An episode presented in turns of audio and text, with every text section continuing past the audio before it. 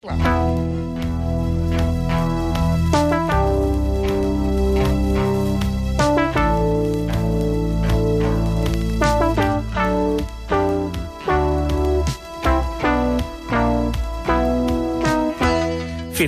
hi ha un actor que està de moda, Kurt Russell. En primer lloc perquè aquesta setmana ha fet 65 anys i ja sabeu que ens agrada homenatjar aquests números rodons. Per tant, felicitats, Kurt. Aquest veterà actor, que havia estat estrella d'acció durant els 90, s'ha convertit en secundari de luxe darrerament, gràcies als seus papers als salvatges westerns Los Odiosos 8... De acuerdo, señores. Escuchen. Voy a llevar a esta mujer a que la ahorquen. La recompensa es de 10 mil dólares. Ese dinero es mío, muchachos. i Bone Tomahawk. Si nuestros caballos mueren antes de llegar o entramos en territorio hostil débiles y agotados, no rescataremos a nadie. Però abans del segle XXI o dels 90 va ser tot un referent de culte durant la dècada dels 80, especialment per la seva feina amb el director John Carpenter. Teníem clar que li volíem dedicar una dada, però a quina? Golpe en la pequeña China, La Cosa, de la que Los Odiosos 8 és un remake inconfès, al final van dir que seria per la més friqui de totes, 1997, Rescate en Nueva York. Llámeme serpiente. SD Plisken, americano, teniente de las fuerzas especiales. Dos condecoraciones por sus intervenciones en Leningrado y Siberia. El hombre más joven condecorado por un presidente. Le propongo un trato. Ha ocurrido un accidente hace menos de una hora. Un avión se ha estrellado en la ciudad de Nueva York. El presidente iba a bordo. Si rescata al presidente y nos lo devuelve sano y salvo en 24 horas, será usted un hombre libre. 24 horas, ¿eh? Tómelo como una oferta. Lo pensaré. No hay tiempo. Responda. Búsquese otro presidente. La dada de la finestra. Que Russell ha repetit diverses vegades que aquesta és la millor de les pel·lícules que ha fet i que Snake Plissken és el millor personatge que ha interpretat. El pagat a l'ull va ser suggerit per ell mateix. Clint Eastwood va ser l'altre gran candidat a convertir-se en Snake Plissken. El paper va recaure en Kurt Russell, però diu que va inspirar-se en Clint Eastwood per crear-lo. Charles Bronson, Chuck Norris, Jeff Bridges o Tommy Lee Jones van ser altres candidats a interpretar-lo. El model que es va fer servir per la ciutat futurista va ser repintat i reutilitzat a Blade Runner un any més tard.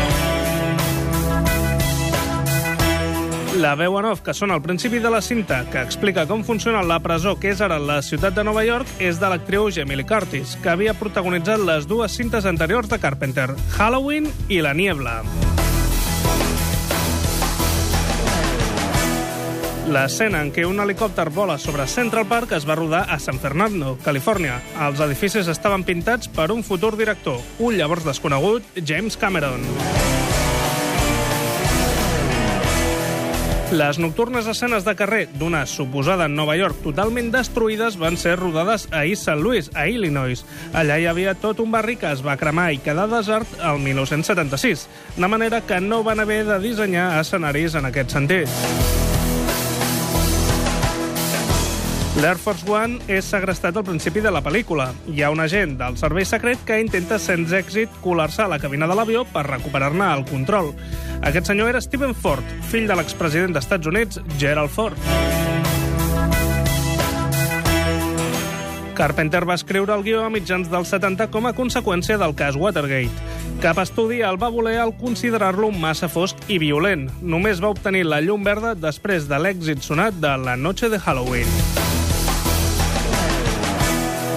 El sobrenom de Plisken era Serpiente, però a Itàlia li van canviar per hiena i a Corea per cobra. Curiós, no?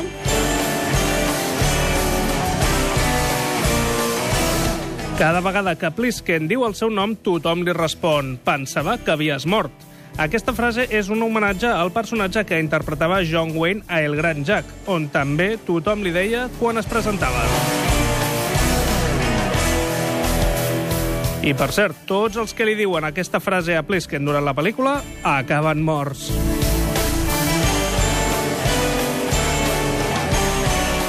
Va ser la primera pel·lícula que es va rodar a Liberty Island, sota l'Estàtua de la Llibertat, i en realitat és l'única escena de la pel·lícula rodada a la ciutat de Nova York.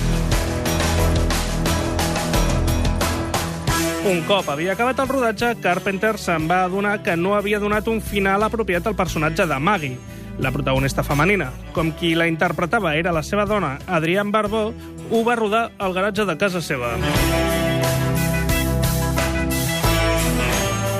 En un primer moment, l'amenaça dels explosius que l'introdueixen al cos a Plisken a través del coll per obligar-lo a acceptar la missió havia de ser un farol per enganyar-lo. Però Carpenter va pensar que seria massa cruel i ho va eliminar. En canvi, sí que ho va fer servir a la seva seqüela, 2013 Rescate en Los Angeles, que es va estrenar 16 anys més tard, al 97, exactament l'any on es situa la primera pel·lícula. Un altre film susceptible de dades, sens dubte, com totes les de Carpenter, vaja.